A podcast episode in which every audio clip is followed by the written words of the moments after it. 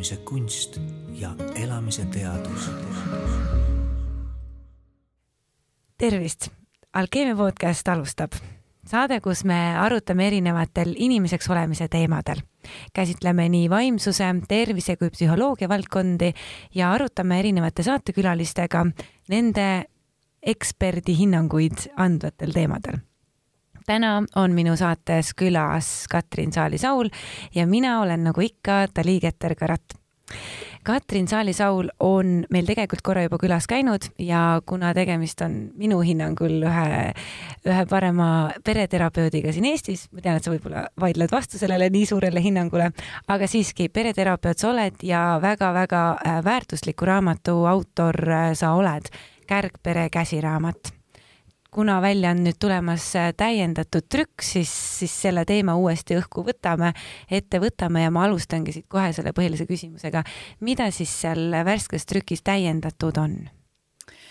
Jaa, see esimene Kärgpere käsiraamat on ju kirjutatud umbes seitse aastat tagasi ja inimesed arenevad selle aja jooksul. mulle meeldib see ütlus, et, et me oleme tegelikult täna täpselt sama, mis me olime seitse aastat tagasi, välja arvatud meie muutunud rakud ja see kogemus, mis meile lisandub raamatute lugemisest ja uute inimestega kohtumistest. ja mina olen äh, siis ka üksjagu kohtunud selle aja jooksul erinevate inimestega ja seda kärgpere teemat palju edasi mõelnud ja loomulikult eh, olen ma siis pisut selle kohta ka rohkem teada saanud. nagu näiteks eh, selle seitsme aasta jooksul ma arvan, et ma olen kohtunud sadade kärgpere erinevate osapooltega, nii nendega, kes siirdub ühest suhtest teise, nii nendega, kes on siis need nõndanimetatud ekspartnerid või kelle juurest ära mindi, nendega, kes on uued partnerid ja rääkinud inimestega, kelle elus see vanemate lahutus ja kärgpere moodustumine on kunagi olnud, et see raamat on toonud mulle ju hästi palju neid kliente. Ja ma olen natukene nende lugusid rohkem siia kirjutanud, lisanud natuke juurde ka teadusuuringuid, mis siis eh, on tehtud pärast selle aja jooksul. ja selle aja jooksul. Ja ja üldiselt ma mõtlen, et kui nüüd ilukirjandus välja jätta, sest et ma ei tea, ma ei ole ilukirjandust kunagi kirjutanud, aga ma olen kirjutanud aimekirjandust, siis äh, ma arvan, et enamik aimekirjanduse kirjutajaid ütleb, et tegelikult see oleks suurepärane mõte lasta see raamat välja ja siis kirjutada see raamat umbes ma ei tea, viie-seitsme aasta pärast uuesti üle. Et panna sisse värsked ideed, minu kogemus näitab küll, et niipea, kui sa raamatu või ma olen kirjutanud ka päris palju artikleid, et niipea, kui sa mingi artikli toimetusse saadad ja ta trükki läheb ja sa enam midagi teha ei saa, nii sul tulevad kohe uued värsked mõtted. Ning isegi selle teise täiendatud trüki puhul eh, nii kui ta trükki läks, jälle õnnestus mul kohtuda paari huvitava inimesega ja mul on juba paar mõtet, mida seal ei ole, aga praegu kasutan seda võimalust ja ütlen, et kui mul nüüd oleks võimalus kirjutada kolmas trükk, siis ma kindlasti laiendaksin seal veel äh, kolme teemat. Äh, üks on, äh, puudutab lapse elukorraldust pärast siis vanemate lahutust et ma loodan, et me sinuga täna võib-olla ka jõuame seda puudutada, et millised on need variandid üldse lapsele pärast vanemate lahutust, kus ta siis elab, kas ta elab siis ühes põhikodus, kas ta käib kahe vanema vahet, kas siis võrdselt või, või erinevas koguses, aga ikkagi, ta pendeldab kahe maja vahet, või siis laps elab linnupesas, kus tema elab kohal ja vanemad pendeldavad. aga selle esimese, ehk siis kui lapsel on üks põhikodu, vot sinna juurde ma kirjutaksin lause, eh, mille ma noppisin üles eh, Bert Hellingeri siis teost uurides. ja tema ütleb niimoodi, et laps võiks jääda selle vanema juurde, kes teist vanemat rohkem austab. ma arvan, et see on imetore mõte, sest et väga sageli jääb ju laps selle vanema juurde, kes ütleb, et noh, teist vanemat, see teine vanem on kuidagi nagu millegagi nagu nii lati alt läbi jooksnud, et ta absoluutselt ei kõlba vanemaks ja ta ei võimalda enam siis oma teisel partneril ehk siis lapse vanemal lapsega kohtuda või teeb seda hästi minimaalselt. nii et ähm, siis ühe põhikodu juures mina eelistaksin seda inimest, kes teist vanemat nii palju austab, et ta igal juhul laseb lapsel kohtuda teise vanemaga. siis ma kirjutaksin veel hästi põhjalikumalt lahti mm, selle ema rolli lapse siis arengu juures. sest et me teame ju seda, et väga paljudel naistel on selline tunne, et laps on minu oma. et kui mina olen teda kandnud üheksa kuud ja minul on temaga ka see nabaväedi seos ja et ma olen temaga olnud alguses kogu aeg koos, et siis ta on minu oma ja, ja et see on minu laps, et nad ei kasuta sageli need emad ka sõna, et see on meie laps, vaid see on ikkagi, see on minu laps. ja mina otsustan, mis on mu lapsele hea, kuigi jah, sellest ma olen seal raamatus küll põhjalikult kirjutanud, aga see, mida ma nüüd oleks tahtnud juurde panna, on see, et väga paljudel naistel endil on tohutu isa defitsiit. et nad pole ise saanud eh, koos olla hästi oma isaga, võib-olla isegi isa on olnud kohal, et ei ole vanemad lahutatud. aga selle isaga ei ole olnud lähedast emotsionaalset sidet. võib-olla isa on isegi toonud, viinud ja ostnud asju, aga just ta pole olnud kohal eh, siis oma tütre emotsionaalse kasvamise juures. Nendel ei ole olnud lähedast sidet. ja nüüd, kui läheb eh, siis selline naine lahku, kellel ei ole olnud oma isaga emotsionaalset sidet, ehk mm, ta ei, ta ei väärtusta ise oma isa niivõrd kõrgelt, siis mõnikord juhtub pärast lahutust, et ta ütleb, et aga, aga milleks minu lapsel on isa vaja? et äh, ma saan ka ise, sain mina ise ilma isata või sain ilma lähedase emotsionaalse kontaktita oma isaga, saab ka minu laps. Pole lapsel seda isa vaja, ma olen ise piisavalt hea. vot selle mõtte oleksin ka pannud. ja kolmanda küsimuse või, või kolmanda teema oleksin veel sisse pannud ja seda on seda sellepärast, et just ühe kliendiga rääkisin kaks nädalat tagasi ja, ja nemad siis teatasid oma lastele, et, et läheme lahku. ja laps küsis küsimuse oma isalt, et kas sa mu emmet siis enam ei armasta? ja, ja loomulikult ka seal Kärgpere mõlemas versioonis, nii esimeses kui teises, ikka ma seda teemat ju ka kirjutan lahti, et kuidas lapsele öelda, mida lapsele öelda aga et nüüd ma paneksin sinna sisse ka ühe lause, mida äh, ma kuulsin Tiiu Poltsmani, see on üks Eesti juurtega äh, ähm, Argentiina ja Saksa terapeut, kes on väga ilusasti öelnud niimoodi, et mida võiks lapsele öelda siis sellel lahkumineku hetkel, sest et lapsel on väga valus kuulda, et minu ema enam ei armasta minu isa või minu isa enam ei armasta minu ema ja seda võiks lapsele selgitada kuidagi nii, et, et vaata, me väga armastasime sel hetkel, kui me sind lõime sest et lapsel on tohutult valus kuulda seda, kui vanemad ütlevad, oi tead, me tegelikult üldse sind ei tahtnud, sa oled soovimatu laps.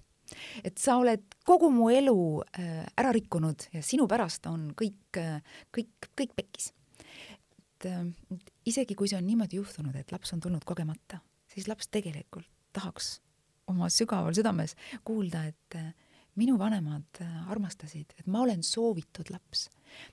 ma näen nii palju selliseid kurbi ja lõhkisi hingi, kellele seda on öeldud, et aa, sa oled soovimatu laps ja see, see tunne, see üks lause, mis on võib-olla ka kunagi öeldud stressis, vihasena, mingisuguses meeltesegadushoos, see jätab lapsele jälje. ja vot siis võiks öelda talle, et jaa lapsele siis, et sa oled saadud armastuses. Ja et meie ema ja isa oleme mõlemad sinu loojad. Ja sina oled osa meist mõlemast, sa oled pool ühest, pool teisest. Ja võiks natukene näidata sellist nagu topeltheeliksi nagu pilti, kuidas see põimub niimoodi omavahel, nagu kaks tüve, mis omavahel põimuvad. ja siis võiks öelda niimoodi, et ma armastan sinus sinu emmet või sinu issit igavesti, sest sina oled pool temast. sest see annab lapsele võimaluse armastada seda teist vanemat, kes siis kas on suhtest lahkunud või, või lihtsalt praegu tema, ta ei ela temaga koos, ta annab lapsele loa armastada mõlemat vanemat. Nii et jaa, ühesõnaga need, need kolm teemat, mille ma praegu sisse tõin, on loomulikult kõik raamatus sees, aga seda sõnastust ei ole, aga seda sõnastust annab alati äh, timmida mm. -hmm.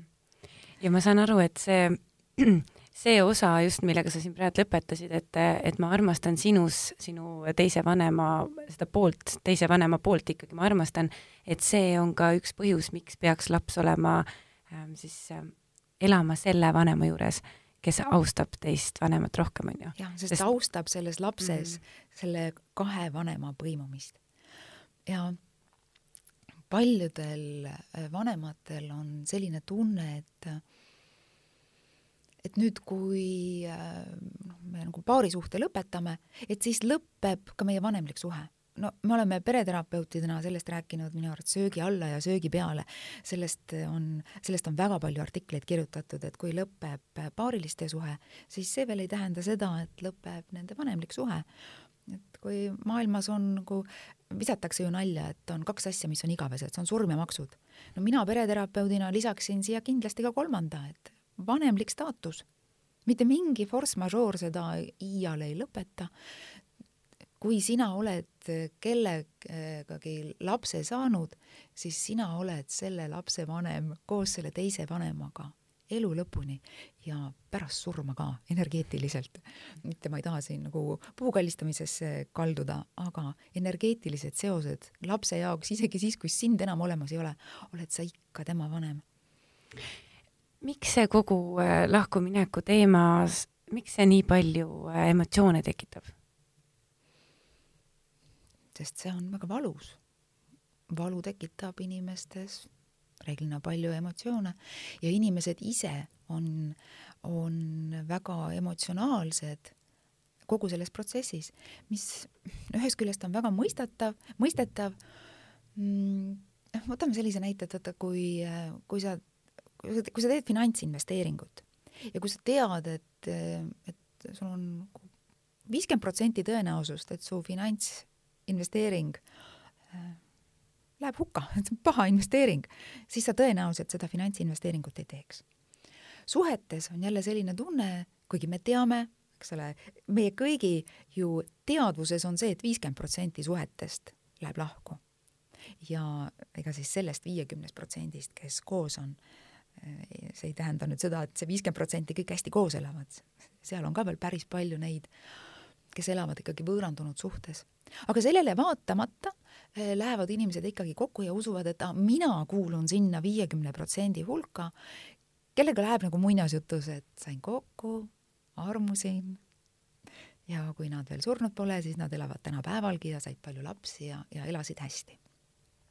et meil on see ootus, et meil läheb hästi ja tänasel päeval saadakse ju ikkagi lapsi ka nagu rohkem teadlikult kui vanasti, eks ole, kui saadi nagu noortes kahekümnendates, kui ei olnud rasestumisvastaseid vahendeid ja ja lapsed paratamatult lihtsalt tulid, siis nii tahaks pakkuda oma lapsele ju seda stabiilset kasvukeskkonda.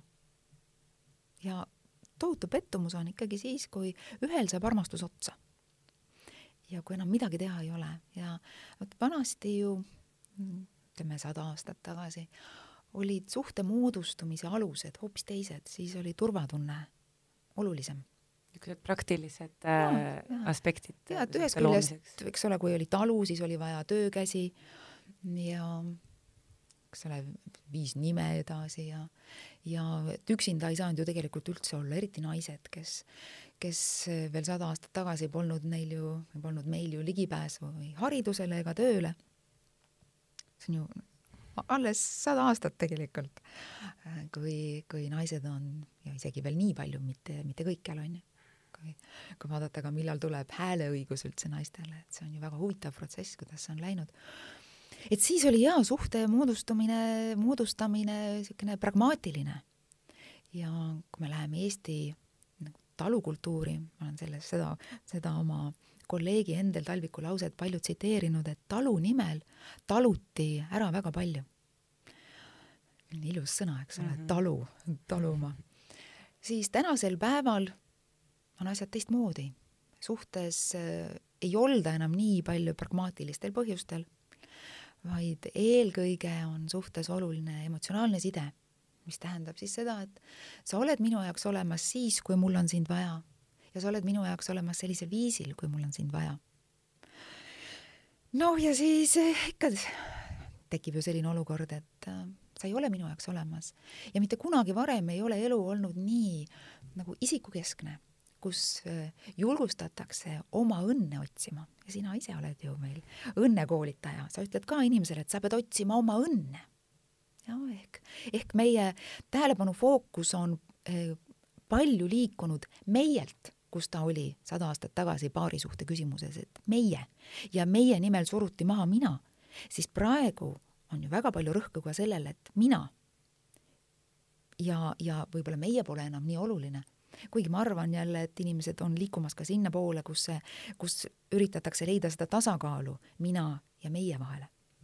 aga jaa, kui me veel võrdleme inimeste eluiga, siis vanasti olid ju elud lühemad et siis eh, elada kuni surm meid lahutab oli kergem kui praegu, kui inimesed hakkavad juba eh, elueas eh, viskama saja aasta lähedale, siis mõnikord selle inimesega, kellega tundub, et kas mingid väärtushinnangud, mingid elustiili komponendid või isikuomadused on ikka nii keerulised, et ma ei jaksa seda ära taluda. et kas ma pean? ja siis ongi võimalus tulnud tänasel päeval lahutada ja lahutamine ei ole enam stigmatiseeritud nii, nagu ta oli vanasti, kus selle eest, eks ole, meie esivanemad veel said veel parteinoomituse ja kutsuti töökoosolekule, et kuidas see on niimoodi võimalik, et sul on kõrvalsuhe ja tänasel päeval on isiklik õnne otsimine selline normaalne. ja kui ikkagi tundub, et seda isiklikku õnne selle partneriga ei ole, siis lahkutaksegi suhtest. ühelt poolt selles mõttes on ju ka hea, et see nagu kvaliteet on läinud kõrgemaks et, et igalühel inimesel tõesti neid lahutusi on küll palju rohkem, aga samal ajal see, see inimeste niisugune elukvaliteet ja suhte kvaliteet on siis ju, on, on nagu kõrged. on, nõus. et see, et vanasti ei lahutatud, ei tähenda seda, et need suhted olid kõik head mm. -hmm. et lihtsalt vanasti püsiti, noh, nagu ma ütlesin, taluti ära, sest et muud varianti polnud. seda turvatunnet ei olnud nii palju, eriti naistel, et ma saan üksi hakkama, sest et siis oli ikkagi see mõte, et kes mind lapsega naist veel tahab ja alati on olnud neid Jeanne d'Arc'e, kes nagu on niisugused julged ja ütlevad, ah, ma saan hakkama, igal juhul ma saan ka üksi hakkama. aga nende kõrval on need teised, kes ütlesid, et nad ei saanud hakkama, et ikkagi koos oli igal juhul parem ja oli see uskumus, et igal juhul on lapsele vaja äh, nagu koos olevat perekonda sõltuvalt sellest, milline on see suhete kvaliteet tänasel päeval me teame, et suhete kvaliteet on tohutult oluline, et see, kui kaks vanemat on ühe katuse all, aga nad kaklevad või nende suhe on jahe, et sa ei näe sellist elutervet hoolimist, armastust, et sa ei näe naeru, et sa ei näe nagu vanemate õnne. Tänasel päeval on nii palju inimesi, kes ütlevad, et aa, miks te püsisite minu pärast koos, et oleksite nagu mul pole seda vaja, te oleksite võinud eh, lahku minna. Et selle asemel, et ma olen terve elu näinud pealt teie saagimist või siis inimesed on näinud pealt isegi mitte sellist lakkamatut eh, kaklemist, aga on lihtsalt näinud pealt sellist jahedat elutut suhet, suhet, kus on elumahlad välja voolanud. me ei soodusta seda ju enam tänasel päeval, öeldakse, et noh, mine siis tõesti, ela ja et vanasti oli ju see tunne, et oh, laps vajab stabiilsust ja see on täiesti õige, laps vajab stabiilsust, aga oli selline tunne, et vanematest või tähendab, et, et see stabiilsus, mida laps vajab, on ühes kodus ja kahe vanema ühes kodus olemises. Siis tänasel päeval me kinnitame seda ja lapsele stabiilsus on oluline, aga stabiilsust saab saavutada ka siis, kui kaks vanemat elavad rahumeelselt erinevate katuste all, nii nagu vaata on sadamasse sõites on kaks maamärki ja need kaks maamärki ei ole ühe koha peal, nad on ikkagi hoopis erinevates kohtades, aga sadamasse sissesõidul nad joonduvad. ja, ja siis äh, sa leiad selle õige koha, et samamoodi stabiilsust saab pakkuda äh, kaks vanemat, kes on väga heas vanemlikus liidus, nad ei pruugi enam olla partnerid, aga nad on töötavas vanemlikus liidus, kus nad ei pane üksteisele puid alla, vaid vastupidi, nad toetavad üksteist. Või isegi nad on nagu erineval arvamusel millestki. Nad võivad teha paralleelvanemust, et ük-, paralleelvanemlust, et üks teeb nii hästi, kui tema oskab, teine teeb nii hästi, kui tema oskab. aga et lapsel on alles tema juured, kumbki ei kärbi lapse tiibu, mulle meeldib see lause, et vanemate ülesanne on anda oma lapsele juured ja tiivad. ja see üks kõige, minu jaoks kõige räigem viga, mida tehakse, ongi see, et ma üritan kui ma saan aru, et jaa, paarisuhe nagu ei õnnestunud, et ma üritan seda teist vanemat täielikult kustutada, unustada, tema juured läbi saagida. ja sel hetkel võib see isegi tunduda, et see on nagu päris hea otsus, eriti kui tegemist on nagu paari suhteks kõlbmatu inimesega. et noh, mul üldse temaga see paarisuhe ei sujunud. aga olles näinud jälle nagu mina teen oma tööd kakskümmend viis aastat, selle aja jooksul ma olen näinud päris mitut inimest ja olles näinud seda, kuidas inimesed otsivad oma juuri ja kui ta pole näinud seda teist vanemat, kui ta pole saanud temaga koos olla, sest et mismoodi me muud moodi õpime tundma oma juuri, kui ainult selle vanemaga ju koos olles, temaga aega veetes. ja kui inimestel pole seda võimalust olnud, et kui tema ei ole tähtis inimesele keda ta iseenda jaoks tähtsaks peab, siis on väga raske tekitada head enesehinnangut ja head minapilti. mis on veel need kõige suuremad vead, mida lahku minnes äh, tehakse? No me saame neid vigu vaadata erinevate mätaste otsast, jah, näiteks noh, neid vigu on nii palju, et me võiks sinuga teha niisuguse ööpäevaringse podcasti ja, ja meil ikka jääks veel mõni viga ütlemata. aga niimoodi mm, esimesed mõtted tulevad mul see, et vaatame siis selle mätta otsast, kes tahab suhtest lahkuda, jah. meil on tegelikult siin kaks varianti, kas suhe lihtsalt lõpetatakse, sest et me peame praegu aru saama, et kas me räägime lahutusest või me räägime tegelikult kärgpere moodustamisest. ja kärgpere moodustamine on selge see, et see on oluliselt parem siis, kui suhe on lõpetatud eelmiste partnerite vahel.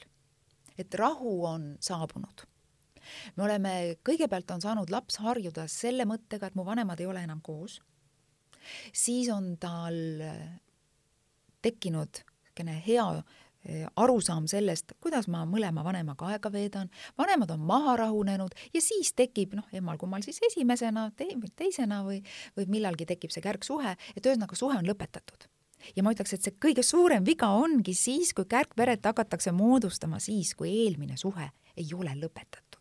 Ja sa selle lõpetatuse all ei pea, ma kujutan ette, ainult silmas äh, füüsilist lõpetamist, et me näiteks ei ela enam koos, vaid kas ka emotsionaalset lõpetatust. just, jaa. muidugi siin võib küsida, et, et aga no aga kui teine ei taha lõpetada kui see nagu ei lõppegi. noh, kuskil on ikkagi olemas mingisugune selline adekvaatne aeg, aga noh, ütleme aasta või mõnikord pool aastat siin nagu on, ma ei taha ühtegi sellist kuupäeva või ajamäärust välja öelda, sest see on erinevate inimeste puhul ju väga erinev, juhtumid on väga-väga erinevad. aga minu arvates kõige sellisem alatum variant on ikkagi see, kui noh, seda, et inimestel kõrvalsuhted tekivad, see on nagu eluline paratamatus aga et sa juba salaja moodustad teisega pere, lepid kõik kokku ja hoiad seda oma partnerit teadmatuses, kellega sul lapsed on, ja siis nagu ühel hetkel ütled talle välja, et kuule, nüüd ma nagu lähen mul on juba teine kodu olemas. mõnikord on seal teises kodus juba laps ka. noh, et sellisel juhul, eks ole, on meil mees see, kes ühest suhtest mhm. teise liigub. ja see on väga solvav sellele noh, siis mhm. sellisel juhul naisele ja selge see, et seal on siis emotsionaalselt ähm, nagu, nagu selge see, et siis see no, naine on emotsionaalselt üles köetud, loomulikult sest et see ongi see koht, kus ju mees talle paneb niimoodi puid alla ühesõnaga see, siin ei ole lugupidavat suhtumist. et asjad võiksid olla see, et jaa, tekib kõrvalsuhe, noh, me seda, see ei ole praegu siin see koht, kus me saame, kus me räägime kõrvalsuhetest, see on teise saate teema, et miks nad tekivad, millist tüüpi nad on. Aga see, et neid tekib, see on paratamatus, aga nüüd võib ikkagi nagu tekkida, aga siis, kui sa otsustad, et sa tahad minnagi uude suhtesse, luua uue suhte uue inimesega, siis kõigepealt võta aeg ja lõpeta eelmine suhe ära, sest et kui sa teed seda uisapäisa, kui sa teed kiirustades, siis on äh, traumeeritud nii laps või lapsed kui ekspartner ja, ja äh, kui nad on palju vähem koostööaltid. Aga kui kõigiga nagu rahulikult minna, et kiirustamine on kõige suurem kärgpere vaenlane, ma ütleks, et võta aega, kui see su uus partner on tõesti nii, no see on, see on nagu, on sajandi armastus, see võib kõik olla. Siis see sajandi armastus ootab ära ja peab vastu ka selle aja, mis kulub suhte lõpetamiseks, austavaks lõpetamiseks, et kui sa oled olnud kellegagi suhtes, kui sa oled kedagi kunagi nii palju armastanud, temaga lapsed saanud, siis oma nii palju austust, et sa ka lõpetad selle ära mm. -hmm. ja, ja et finantsid on jagatud, nagu olme on saanud korda, emotsionaalne lõpetatus on tekkinud, nagu tänatakse üksteist koos oldud aja eest. Mhm. lastele on antud turvatunne, aga see, mis sageli nüüd juhtub, on see, et see, kes tahab minna ja tal on kas ja mis ta siis teeb? Ehm, see, kes läheb selle jaoks, et ta saaks nagu kergemini minna, ta sageli mõtleb enda jaoks selle, mis on olnud. ta mõtleb selle halvemaks, et tal oleks ennast lihtsam lahti tõugata ta sageli süüdistab, et aa, sa olid tead selline, selline nagu liiga vähe seksi, liiga palju tõlisid, pole ühist lainepikkust, mis iganes, eks ole, kuni isiksushäireteni välja, et sa oled kas psühhopaat, nartsissist või, või, või nagu hüsteerik. Et me, me, me, me terapeutidena näeme seda, et, et sageli see, kes siirdub jah, ühest suhtest teise ta, tal on kalduvus näha seda eelmist suhet mustemates värvides ja, ja projitseerida kõik see enda rahulolematus partneri peale mm. ja kuna see minek on siis nii kiire, siis ja võib-olla ta on veel armunud ka ja sellest armumisest eh, tekib see keemiline kokteil, mis peas on, vähendab empaatiat selle inimese suhtes, kes jääb maha. ja see siis, ma kutsun teda siirpartneriks, see, kes läheb ühest suhtest teise tema on seda asja võib-olla iseenda sees juba keerutanud kas kuud, mõnikord aastaid. tal on olnud aega valmistuda selleks minekuks. ja nüüd ta mõnikord niimoodi prauh ütleb selle välja siis oma elukaaslasele ja eeldab, et see teine nüüd nagu hästi kiiresti võtaks kõigepealt süüvarmalt osaks ja kahetseks oma kirgast pattu, jaa, ma olen tõesti olnud nagu nii halb naine või mees, tõepoolest sa peaksid minema. et ta annaks, et see, et see partner annaks nagu sellele siirpartnerile kõigepealt loa, oleks leplik, et see ja see siirpartneri äh, selline empaatia puudumine sel hetkel on, on see põhiviga. Ja sealt tõenäoliselt tuleb hästi palju ka see nagu seda tüliosa õhku, onju. ja, ja. Mm -hmm. ja siis panna veel sinna juurde see äh, pettumus äh,, võib-olla pahameel, reetmistunne, mida teine tunneb, onju. et äh, sealt kõlab juba niimoodi, et ega sealt äh, väga äh,, et väga-väga raske ja väljakutsuv on jõuda sellisesse äh, Äh, sooja, armastavasse ja sellisesse nagu rahumeelsesse lapsevanemlusse koos. no väga, sest seal on kogu selliste raskete tunnete palett, seal on hirm, eks ole, sellel, kes, kes maha jääb, kuidas ma saan, mis nüüd saab, kuidas, mis, eks ole, mis lastest saab. Milline see meie koostöö saab olema, sest et sageli just nimelt selle jaoks, et, et minna nagu otsitakse välja see kõige negatiivsem meie suhtes ja unustatakse ära see, et meil on olnud siin nii palju head. ja et seal on hirm, seal on viha üksteise suhtes, tulevad ju etteheited.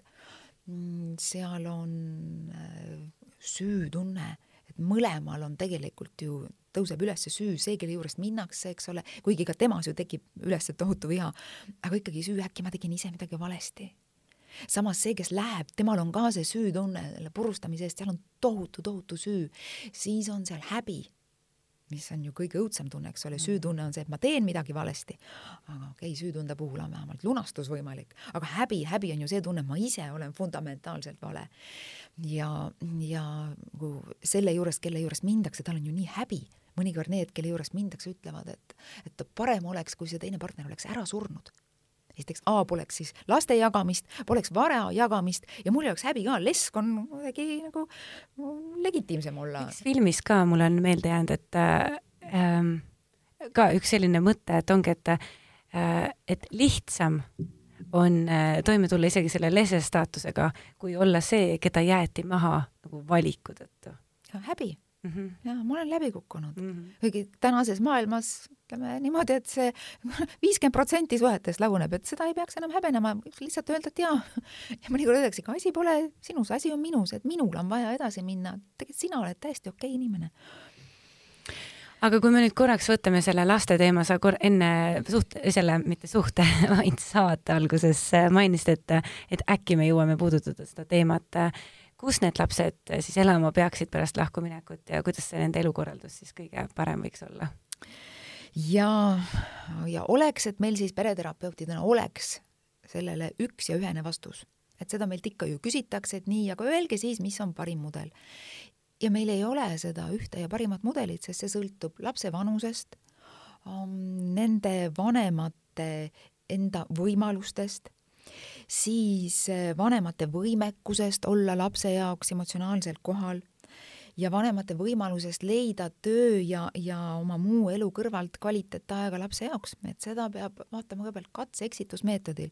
aga vähemalt oleks hea teada, et noh, meil on laias laastus kolm varianti ja, ja vot neid variante ma kirjutasin ka selles täiendatud trükis nüüd rohkem lahti, sest et ma sain aru, et, et selle eelmise kirjutuse põhjal jäi väga paljudele selline mulje, et, et ma igal juhul toetan alati ja ainult viiskümmend, viiskümmend lahendust. et laps on ühe juures ja teise juures ja selle peale oli palju sellist, et aa, kuidas nüüd niimoodi ja laps peab pendeldama. see on üks variant ja see kindlasti kõigile ei sobi. aga jaa, meil on olemas siis variandid, kus, kus laps on ühes põhikodus, aga ta siiski peaks nägema teist vanemat ja ka võimaluse korral teise vanema juures siiski ööbima vähemalt kolmekümne viiel protsendil ajast just nimelt selle jaoks, et säilitada teise vanemaga eh, tugevat emotsionaalset sidet, eriti just mida väiksem laps, seda enam on see, et eh, mis silmist see meelest mm. et ähm, see on nagu hästi oluline veeta teise vanemaga aega koos, et meil üks vanem ei oleks see argivanem ja teine siis noh, pühapäevavanem aga jälle, see nüüd nii palju sõltub ju lapse vanusest, see ongi see põhjus, miks me ei saa öelda, on ju, et et, et see, mis sobib kolmeaastasele, ei sobi viieaastasele, see, mis sobib viieaastasele, ei sobi viieteistaastasele, et siin on täiesti erinevad vanusegrupid. ja mida vanemaks läheb laps, seda vähem on oluline ju see kvantiteetaeg vaid siis on oluline kvaliteetaeg, sest et väike laps tahab ju teise vanemaga või tähendab, väike laps tahab vanematega mängida, ta tahab olla konkreetselt nende juures, nende ruumis, seal peab olema mäng. Viieteistaastane laps tegelikult ei peakski isegi liikuma võib-olla kahe kodu vahet, vaid ta tahab jääda sinna ühte, ühte kohta, kus ta saab oma toas luua endale sobivaid sodihunnikuid. Ja tal ei ole vaja neid sodihunnikuid luua kahes kohas ta vanemaga eriti ju enam ei mängi, tal on omad, eks ole, arvutimaailma tegemised, tal on oma tegemised reaalses maailmas, tal on omad sõbrad, vanemate osatähtsus sel hetkel, tähendab, vanemad on väga tähtsad, aga see aja veetmine nendega ju oluliselt väheneb, eks ole, nad vajavad sparringupartnerit, vestluskaaslast, mitte enam mängukaaslast nii et, et need, need soovitused on täiesti erinevad, aga väikeste laste puhul küll laps peaks saama mõlema vanemaga aega veeta, aga see ilmtingimata ei tähenda, et ta peab teise vanema juures ka ilmtingimata ööbima, ta võib olla ka selles ühes kodus, kui on korraldatud niimoodi, et see teine vanemal on, teisel vanemal on temaga regulaarne kontakt. aga nüüd on küsimus just, et kuidas seda regulaarset kontakti teha.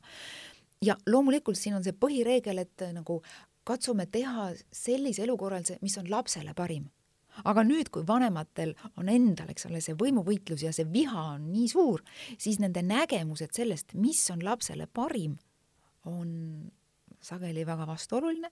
Ja vot siis ongi, et mõnikord saavad pereterapeudid aidata öelda, et jaa, et, et lapse, lapse huvides on see, kui ta veedab tõesti aega mõlema vanemaga nagu ikkagi nagu nii palju, et ta tunneb, et tal on nagu isu, ta saab isu täis. ta, ta, ta tuleb toime selle igatsusega, mis tal on teise vanema järgi, aga ta saab mõlemaga olla, sest et tema armastab mõlemat, tema jaoks ei muutu perekonnas mitte midagi. lapse jaoks peaks selle asja korraldama nii, et ta tunneks seda, et minu perekond ei lagunenud ja vanemate suhe lagunes, aga me nagu nende hästi korraldatud lahutuste puhul võiks isegi see, et, et see perekond saab aeg-ajalt kokku, et lapse jaoks on ema-isa endiselt olemas, et sünnipäeva ei peeta kahes kohas eraldi. jõulud on koos, mõnikord isegi käiakse vaheaegadel ja praegu ma kujutan ette, et osad raadiokuulajad ütlevad tõesti, see ei ole võimalik, ma vihkan seda teist inimest, ma elu sees ei taha tema, ma ei taha teda enam näha. ja ma saan aru, siin, siin, siin ongi nüüd nagu see, nagu selles muinasjutus tead seda muinasjuttu Tark talutüdruk ja kuningas, kus tark talutüdruk peab andma oma isale nõu, eh, kui kuningas on isal käskinud tulla kohale, et tule ilma riieteta, aga ära tule ka eh, eh, riides, tähendab, kuida-, kuidas see oli, et ära tule riides, aga ära tule ka ilma riieteta, ära tule mööda teed, aga ära tule ka tee kõrvalt, et ühesõnaga selline lahendamatu olukord. et, et kuidas siis teha niimoodi, et ma ei taha seda oma ekspartnerit ju enam näha aga laps ju tahab. et kumba siis nüüd eelistada ja ütleme, me peamegi eelistama tegelikult last ja see on tohutu väljakutse, see on nii tohutu areng inimestel, mis on vaja läbi teha, kuidas jätkata suhtlemist selle teise partneriga. aga mõnikord tõesti, kui see teine partner on olnud nagu partnerina nagu nii kehva, siis on täiesti mõistetav, eriti kui ta on olnud mingisuguste mm, nagu sõltuvate, sõltuvuste küüsis. ma tõesti ei taha teda enam näha, aga siis ongi, kuidas korraldada siis see, et laps saab olla ka tema juures ja nüüd me teeme vahet nagu sellel elutervel, eks ole, kui on ikkagi normaalsed inimesed lähevad lahku, nüüd nagu need, kellel on siis see sõltlane või, või vägivallatseja või seda enam, eks ole, kuidagi, kui last on kuritarvitatud, siis loomulikult nagu see, et laps peaks olema viiskümmend, viiskümmend, nagu see, see ei päde, on ju. me ei mm. saa jätta vastutustundetu vanemaga aga enamus lahkuminekuid ei ole ju vastutustundetute inimestega, vaid on ikka vastutustundlikega, kes ei taha oma lastele halba ja ma näen seda tänast, tänase päeva isade juures, kes on oma lastega mõnikord emotsionaalses suhtes palju enam kui, kui oma ekspartneriga. ja vot siin tekib see koht, kus mm, kui, kui nagu vanemate paarisuhe laguneb, siis mõnikord vanemad teevad selle vea, et nad ütlevad, et aa, laps peaks nagu valima, kas ema või isa. ja see on, see on hullumeelne dilemma lapse sees seda ei olegi, seda võimalust teha ja sageli siis ta otsustab, ta jääb nagu nõrgemaga või sellega, kellega ta on emotsionaalselt rohkem seotud ja lõikab endalt selle teise nagu välja või lõikab juured läbi. aga õige on see, et ma valin nii ema kui isa. ja mm. tõesti ainult nende üksikute juhtumite juures, kus teine on, on siis vägivaldne, hoolimatu sellisel juhul me nagu räägime sellest ainuhooldusõigusest ühele, aga ja milline on see elukorraldus, no vot, võta nüüd kinni, see on nagu nii erinev, aga, aga kõige hirmsamad lood ongi need, kui see asi läheb kohtusse, kus kumbki süüdistab Eh, teist, et aa, sa oled, sa oledki vägivaldne, sa oled eh, siis isiksuse häiretega, lapsel on sinuga ohtlik ja, ja me pereterapeutidena enam, no see on see koht, kus meie enam ei saagi nagu otsustada, sest et kust tegelikult meie teame, mõlemad inimesed tunduvad sul teraapiakabinetis täiesti normaalsed inimesed, sa pealt ei näe seda, kuidas ta midagi teeb. Ja siin ongi see, et siin peavad olema tunnistajad, siis sekkub kohus. No.. ja samal ajal on ka äh, kolmas variant, äh, äh, mida ma ei tea, mina vähemalt ei ole väga kuulnud, et Eestis praktiseeritakse, aga võib-olla nüüd juba on, on see, et laps on ühes kohas ja vanemad siis käivad ja see on see linnupesa, tegelikult on, aga nii nagu igal sellel variandil on omad head aga igalühel on omad vead, meil ei ole sellist ühte ja ainsat, et see on lapsele kõige valutum. eks kui see, kui see ühes kohas, siis on selge, eks ole, et kui on eh, nagu laps elab ühes kohas ja tal on vanemaga, kes elab teises kohas nagu pidev kontakt, siis see ühe põhikodu nagu plaan töötab. või siis, eks ole, meil on kaks põhikodu, laps käib ja, ja seal eh, siis inimesed ütlevad, aa, aga lapse jaoks on see solgutamine et kuidas ta käib nagu, katsuge ise pakkida oma asju ja liikuda ühest kohast teise. vot see on see koht, kus ongi nii ja naa, et, ähm, et väiksel lapsel on tegelikult kergem liikuda kui suurel inimesel. sest et ähm, väiksel lapsel saab dubleerida öö, asjad, mänguasjad ja, ja öö, kui mõlemas kodus on kõik asjad olemas ja vanemad teevad omavahel head koostööd, siis, ähm, siis laps ise oma asju ei paki, see tegelikult, see asjade küsimus ei ole lapsele äh, väga kurnav mm -hmm. täiskasvanud inimesed, meil on asjade pakkimine kurnav ja noh, nagu kui, kui sina naisena mõtled, eks ole, kui sa oled kolm päeva kodust ära, mõtle, kui palju on vaja asju pakkida, eriti meie kliimas on ju. tuleb kaasa võtta eh, nii bikiinid kui kasukas, siis ilmtingimata see punane sall, mida mul on vaja mm, -hmm. siis on vaja, eks ole, maniküüri kääre ja just nimelt on mul praegu vaja seda isoleerteipi, on ju, mis mul mm -hmm. on mhm. kodus. lapsel ju neid muresid ei ole. ja Eestis eriti just meie kultuuris läbi aegade on olnud see maakodu ja linnakodu näiteks mina ise tulen lapsepõlvest, kus meil oli linnakodu, linnakorter ja siis oli suvila, Tallinnast ka mõnikümmend kilomeetrit eemal ja me sõitsime absoluutselt igal nädalavahetusel sinna. Ja ma olin kõik vaheajad seal. ja peaaegu tegelikult võibki öelda, et umbes noh, peaaegu viiskümmend protsenti ma olen olnud eh, teises kohas, selles suvilas, täiesti erinevad reeglid ja mõlema vanemaga aga kas see kaks kodu on mind traumeerinud, ma olen kindlasti lapsepõlves mingite asjadega traumeeritud, aga see, et ma sõitsin nagu linna ja maakodu vahet, ma arvan, et vot see ei ole see, see trauma. nii et, et selles mõttes lapse jaoks ei, ei ole traumeeriv ilmtingimata selle kahe koha vahet käimine, vaid see, kui see on seotud vanemate mitte koostööga ehk kui, kui vanemad nagu ei ole üksteisega heas läbisaamises ja, ja, ja, ja üksteisega riidlevad. aga nüüd see, mida sa ütlesid, see linnupesa mudel, see on ja see, et lapsed jäävad paika, vanemad käivad ja vot just nimelt vanematele see oma asjade pakkimine ja et kus on siis see koht, kuhu vanemad lähevad. no on variant see, kui vanematel on teine korter veel, et üks on lapsega ja teine on teises kodus ja siis nad vahetavad. aga see on nüüd lahutatud vanemate mudel, on ju, kui nüüd tekib kärgpere, siis, siis, siis kuhu siis see vanem läheb, kes parasjagu ei ole lastega? kas siis vanematel on jaksu pidada üleval, on ju, see on finantsvõimekusest kinni, kas on jaksu pidada niimoodi, et kummalgi on veel oma teine kodu? keskmisele Eesti perele see ei ole eh, jõukohane mm. -hmm. või siis kas siis see, et, et siis mm, kas siis üks partner käib, elab seal oma kärgperes ja käib siis sealt ja tema jaoks on see isegi väga okei. Okay.. probleem tekib nüüd sellel vanemal, kellel ei ole uut partnerit. Ja temal tekib selline küsimus, aga miks mina pean oma kodust lahkuma, miks me seda teeme, miks ma pean, mul on osad kliendid, kes, kes räägivad niimoodi, et nad käivad hotellis ja seal tekib see nagu see tohutu ahastus. Ja just nimelt seal, kus ma olen hotellis, mul on midagi vaja, mis mul on kodus. Või siis noh, neil on see teine korter ja nad ütlevad, et kahe kodu vahet käimine on väga raske ja vot siin ongi see, et lapse jaoks on tegelikult kergem see käimine mm, kui vanema jaoks.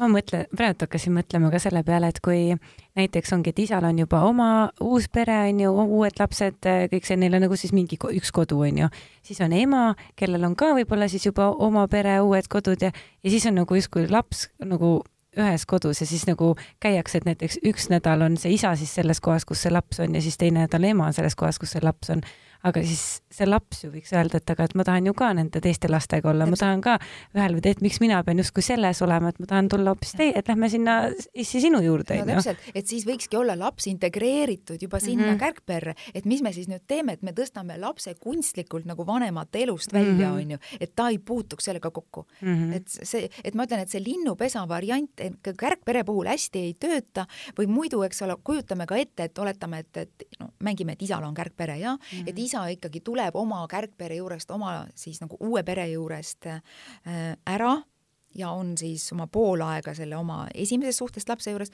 aga nüüd tekib küsimus, kui tal on uues kärgperes ka juba laps, et siis ka see uus laps on pool aega ilma isata. Yeah.. et siis ja täpselt need lapsed võiksid ju olla omavahel tuttavad. Mm, -hmm. nii et linnupesa mudel sobib tegelikult sellisel puhul, kui vanemad lihtsalt alles lahutavad või et nad ei, nad ei loo veel uusi peresid. kui neil on uued pered, siis see linnupesa tegelikult ei toimi no igal juhul tundub äh, ükskõik kust nurgast vaadates see teema absoluutselt igast aspektist väga äh, subjektiivne, väga laiade erinevate variantidega, väga paljudest pisiasjadest nagu muutuv on ju ja hästi inimese või paari keskne on ju. ja et, hästi et... läbisaamise keskne mm. -hmm. jaa aitäh selle hästi põneva vestluse eest ja mul on tunne, et, et see, et see kell näitab valesti.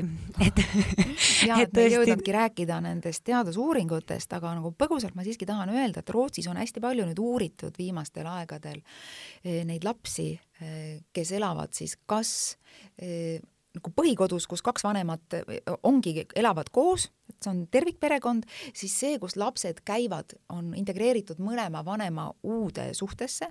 Ja need lapsed, kes on jäänud siis kas põhiliselt ühe vanema juurde, nii et teine vanem on nagu peaaegu perifeerne ja siis neljandal juhul siis, kus laps elabki ainult üksikvanemaga ja teadusuuringud näitavad seda, et nende laste stressitase, emotsionaalse stressitase ja nende siis kehaliselt väljendunud valud, sest et lapsed, eks ole, sageli valutavad kõhtu või pead või süda paha siis, kui neil on psühholoogiline stress kõrge.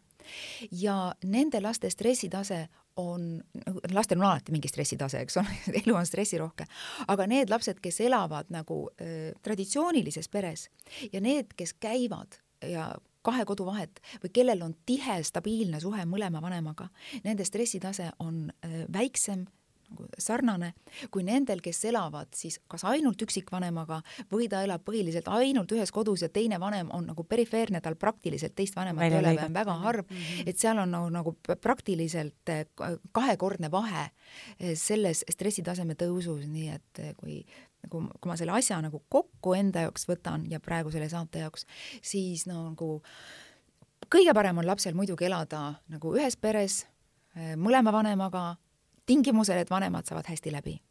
Ja on elusas suhtes. kui vanemate suhe on elutu, on lastel juba selles mõttes parem elada eh, niimoodi, kui need vanemad lähevad oma eluga edasi ja elavad elusat elu, aga elusat elu niimoodi, et nad on mõlemad endiselt oma lapse jaoks olemas, et üks ei jäta last maha suhtest minnes ja teine kättemaksuks ei kirjuta teist vanemat välja vaid et nad teevad koostööd, nad on vanemad edasi, nad lubavad lapsele armastada mõlemat vanemat, ei nuhi selle järel, mida laps teise juures teeb, on lahked ja sõbralikud ja annavad lapsele loa armastada teist vanemat. noh, nii ilusad asjad, ma just tahtsingi küsida, et kokkuvõtteks sinu need elutarkused elad selles, selles ähm, teemas, aga, aga mulle tundub, et need täpselt olidki need väga-väga hästi äh, nagu öeldud tarkuse terad. ja ka see, mis ma alguses ütlesin, ärge kiirustage, kui te mm. tahate minna järgmisesse suhtesse, jumala eest nagu minge, aga võtke aeg maha, lõpetage enne esimene suhe austusega ja, ja nagu austage seda teist vanemat, oma ekspartnerit, sest et oma lapsest te olete topeltheeliksina lõpuni põimunud. ja sinu värsket äh värsket äh, täiendatud trükki raamatust Kärgpere käsiraamat saab siis ähm, Pilgrimi kodulehelt või ka Apollo ning Rahvaraamatu poodidest. aitäh sulle, Katrin Saali-Saul, selle huvitava vestluse eest, ma loodan, et ähm, saatekuulajad äh, said nii mõnegi, kui mitte päris palju ähm, olulisi nõuandeid, kuidas, kuidas seda kuidas kogu seda kärgperendust, lahkuminekut ja, ja seda asja ette võtta, kui, kui see asi tuleb ette võtta, et mida siis teha, mida vältida ja, ja kuidas, kuidas hoida iseennast, hoida lapsi ja hoida seda suhet siis võimalikult ilusana ka pärast selle paarisuhte osa lõpetamist. mina tänan ka siitpoolt Alkeemia podcasti saad ähm, kuulata erinevatest äh, kanalitest, eelkõige Delfi taskust ja meie tegemisi saad jälgida nii Facebookist, Instagramist kui ka alkeemia.ee lehel. sinu kirju ja tagasisidet ootame aadressil alkeemiapodcast.delfi.ee. aitäh ja kohtumiseni järgmisel korral. alkeemia, muutumise kunst ja elamise teadus alkeemia taskuhääling toob teieni huvitavat ja harivat keha, hinge ja meele vallast. kuula ja loe alkeemia.ee, leia meid ka Facebookist ja Instagramist